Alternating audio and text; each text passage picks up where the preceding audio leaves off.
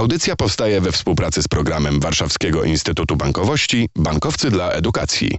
Trzy grosze o ekonomii. Piotr Topuliński, dzień dobry. Mocno nam wszedł nowy rok. Wielu z Was sprawdza, czym jest PIT-2. Niektórzy mylą go z ulgą dla klasy średniej. To niektóre sprawy związane z Polskim Ładem. Ile będzie wynosiła kwota wolna od podatku? To niektóre pytania, które zadajemy swoim księgowym, pracodawcom. Księgowi robią co mogą, by powiedzieć pracownikom wszystko, co wiedzą, ale tę wiedzę również należy skonsultować z urzędami z politykami, którzy te e, sytuacje nam przygotowali. Zdaniem Łukasza Czernickiego, głównego ekonomisty Ministerstwa Finansów, wychodzimy już na prostą, jeśli chodzi o zmiany podatkowe z ostatniego czasu. Co nie pykło, sprawdźmy to po naszej stronie pojawiły się pewne niedociągnięcia w procesie implementacji. E, całe założenia reformy, moim zdaniem, mimo wszystko są jak najbardziej utrzymane, są, one są bardzo słuszne, bo, bo w końcu wprowadzamy pewną progresję w polskim systemie podatkowym, także osoby zarabiające bardzo dużo e, będą płacić wyższe podatki i składki, a odciążone zostaną e, osoby o, o niższych dochodach.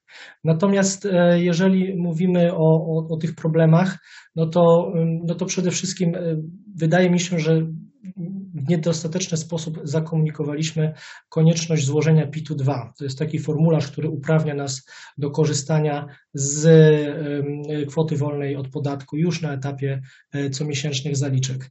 E, to oczywiście dzięki wydaniu rozporządzenia e, z 8 kwietnia udało się naprawić, natomiast ja już zachęcam mimo wszystko do składania PIT-2, gdyż złożenie PIT-2 pozwoli nie tylko nie stracić e, na, e, w relacji do, do, do zmian, które zostały wprowadzone z 1 stycznia, ale też pozwolą zrealizować zyski płynące z Polskiego Ładu, a te potrafią być znaczne. Przypomnę tylko, że na przykład dla osób zarabiających około 3,5 tysiąca do 4 tysięcy złotych brutto, taki zysk z Polskiego Ładu to jest około 150 zł miesięcznie.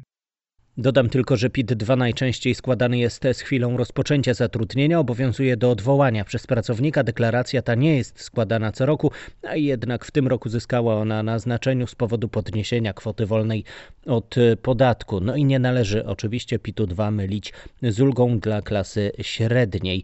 Za Polski Ład w dużej mierze zapłacą samorządy, ostrzegają przed cięciem inwestycji i zwiększaniem lokalnych opłat. O tym Mateusz Krajewski, prezes Fundacji Fundacji Ogólnopolski Operator Oświaty.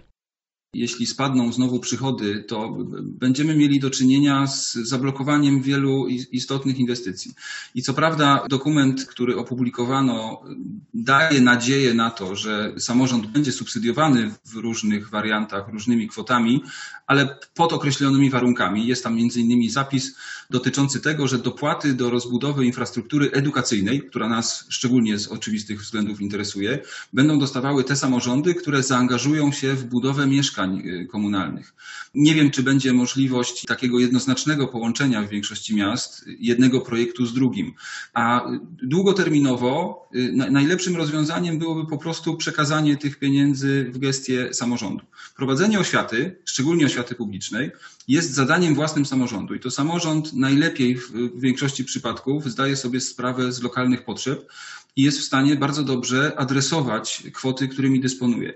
To, co przewidziano w programie y, Nowego Ładu, Polskiego Ładu na najbliższe pięć lat, jest kwotą istotną, bo jeśli zostanie dotrzymana obietnica dotycząca wartości alokowanych y, środków, to y, biorąc pod uwagę, że w tym roku kwota subwencji bezpośredniej wypłacanej z budżetu państwa do samorządu wyniosła 50 miliardów złotych, a Polski Ład przewiduje dodatkowe 7 miliardów rocznie, no to oczywiście są to pieniądze istotne. To jest dużo ponad 10% wzrost. Problem oczywiście, jak zawsze, będzie leżał w szczegółach i w tym, że na razie zapisy dotyczące inwestycji, dotyczące edukacji są dość ogólne i bardzo trudno wywnioskować, czy te pieniądze rzeczywiście zasilą te elementy y, wydatków, na których najbardziej zależy samorządowi.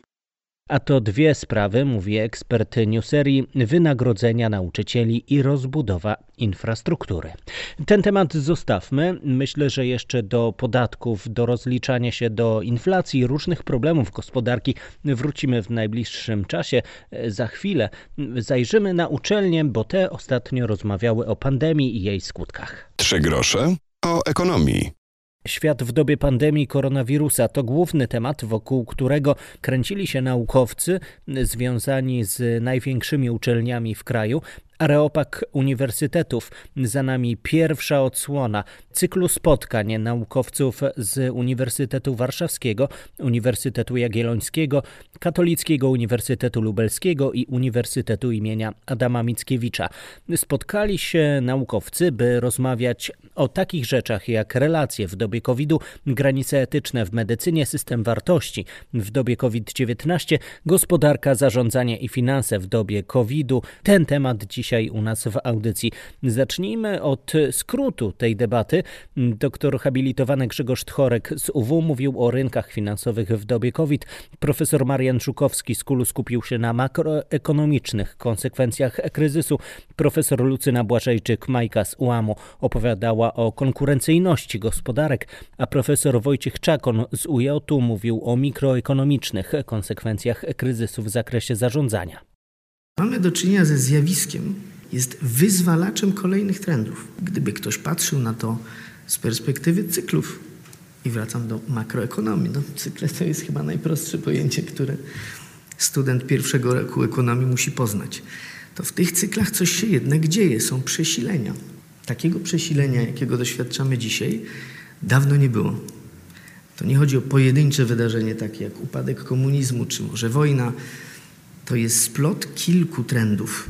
Globalizacja tak, technologia tak, ideologia tak. I chyba świadomość najważniejsza w ekonomii, że dla wszystkich nie wystarczy.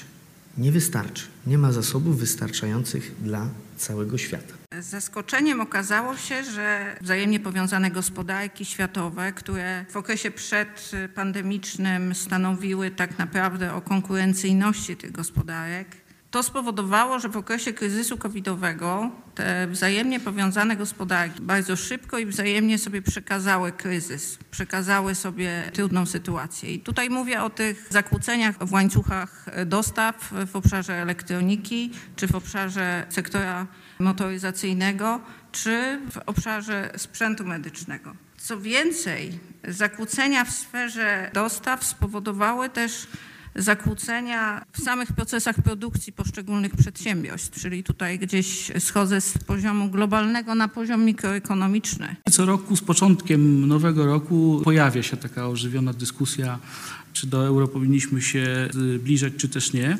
Ja myślę, że jest wiele powodów, żeby jeszcze do strefy euro nie wchodzić, ale y, konkluzja jest y, taka, że im będzie trudniej na naszym rynku y, w polskiej gospodarce, tym bardziej będziemy tęsknić za tym, co jest na zewnątrz. Tak? I tak pokazują badania cykliczne. Jeżeli przed przyjęciem euro w jakimś kraju była wysoka inflacja, wysoki dług publiczny, to obywatele tego kraju chcieli być w euro. Wchodzili do euro, euro nic nie zmieniało i sentyment do euro się niestety odwraca. Jeżeli chcemy budować lepszą przyszłość, to musimy myśleć o tym już dzisiaj. Nie możemy tego odkładać na jutro czy na pojutrze. Rozwój powinien uwzględniać środowisko. Nie ma innej alternatywy niż wpisanie w nasze dobre samopoczucie posiadanie samochodu, posiadanie smartfona, posiadanie różnych innych rzeczy bez posiadania odpowiedniej jakości środowiska. Bardzo ważna kwestia. Ekonomia powinna być wspierana i ubogacona przez inne nauki. Przecież ekonomia to jest psychologia. Człowiek musi wiedzieć, rozumieć, dlaczego musi mieć trzy razy więcej, cztery razy więcej. 10% społeczeństwa zarządza 90% bogactwa. Ci ludzie bardzo bogaci hamują konsumpcję oni mogą zjeść dwa razy więcej, nie więcej.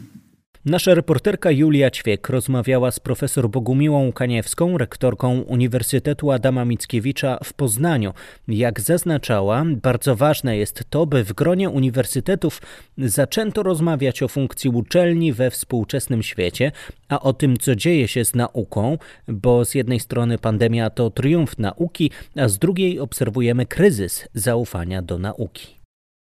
Na początku spotkania rektorzy i pani również wspominaliście o e, potrzebie, która spowodowała to, że powstał właśnie ten cykl Areopag Uniwersytetu. Chciałam zapytać, co to jest za potrzeba? Wydaje mi się, że ona wynika e, z kilku przyczyn, ale te najważniejsze to jest rosnąca brutalizacja dyskursu publicznego, która mnie osobiście i też moim kolegom bardzo się nie podoba, bo e, można rozmawiać o wielu trudnych sprawach, ale trzeba rozmawiać merytorycznie i z szacunkiem. I to jest pierwsza kwestia. A druga to taka, że wspólnota akademicka, wspólnotowość w środowisku uniwersyteckim jest pewną wartością. I mamy oczywiście świadomość, że żyjemy w świecie, w którym różnimy się wieloma poglądami, podejściem do życia, ale y, chcielibyśmy je konfrontować po to, żebyśmy z każdej takiej rozmowy wychodzili mądrzejsi. I myślę, że to są dwie najważniejsze inspiracje. I czy ta rozmowa, ta współpraca, którą teraz widzieliśmy tak naprawdę, daje Pani poczucie, że uniwersytety, te największe w Polsce, e, są gotowe tak naprawdę na tą przyszłość, na tą nową przyszłość, która się tak bardzo zmieniła przez pandemię COVID, albo czy chociaż jest się bliżej bycia gotowym? I tak, i nie. E, ta gotowość e, polega na tym, że uświadamiamy sobie pewne problemy i wymieniamy się nimi i staramy się na nie przygotować. Ale gdybym miała powiedzieć, że jesteśmy w pełni przygotowani, to na pewno nie, bo rzeczywistość nas nieustannie, nieustannie zaskakuje. Podejmujemy pewne decyzje z dużym ryzykiem i no nie do końca wiemy, jakie one przyniosą rezultaty. Oczywiście podejmujemy je w najlepszych intencjach, ale zdarza się też czasem popełnić błąd. Także ta gotowość polega na świadomości problemów i chęci ich rozwiązywania. I jestem przekonana, że to już jest bardzo dużo. Na koniec zachęcam jeszcze raz do obejrzenia całej debaty na YouTubie UW a także do śledzenia podcastu Trzy grosze o ekonomii. W kolejnym programie wybierzemy się na narty i sprawimy, by wyjazd ten był bezpieczny i by nie był nerwowy. Zapytamy o to, co robić w sytuacjach trudnych. Wyjaśnimy kilka prawnych aspektów związanych z wyjazdami w górę. Życzę już teraz też udanych ferii zimowych. Do usłyszenia, Piotr Topuliński.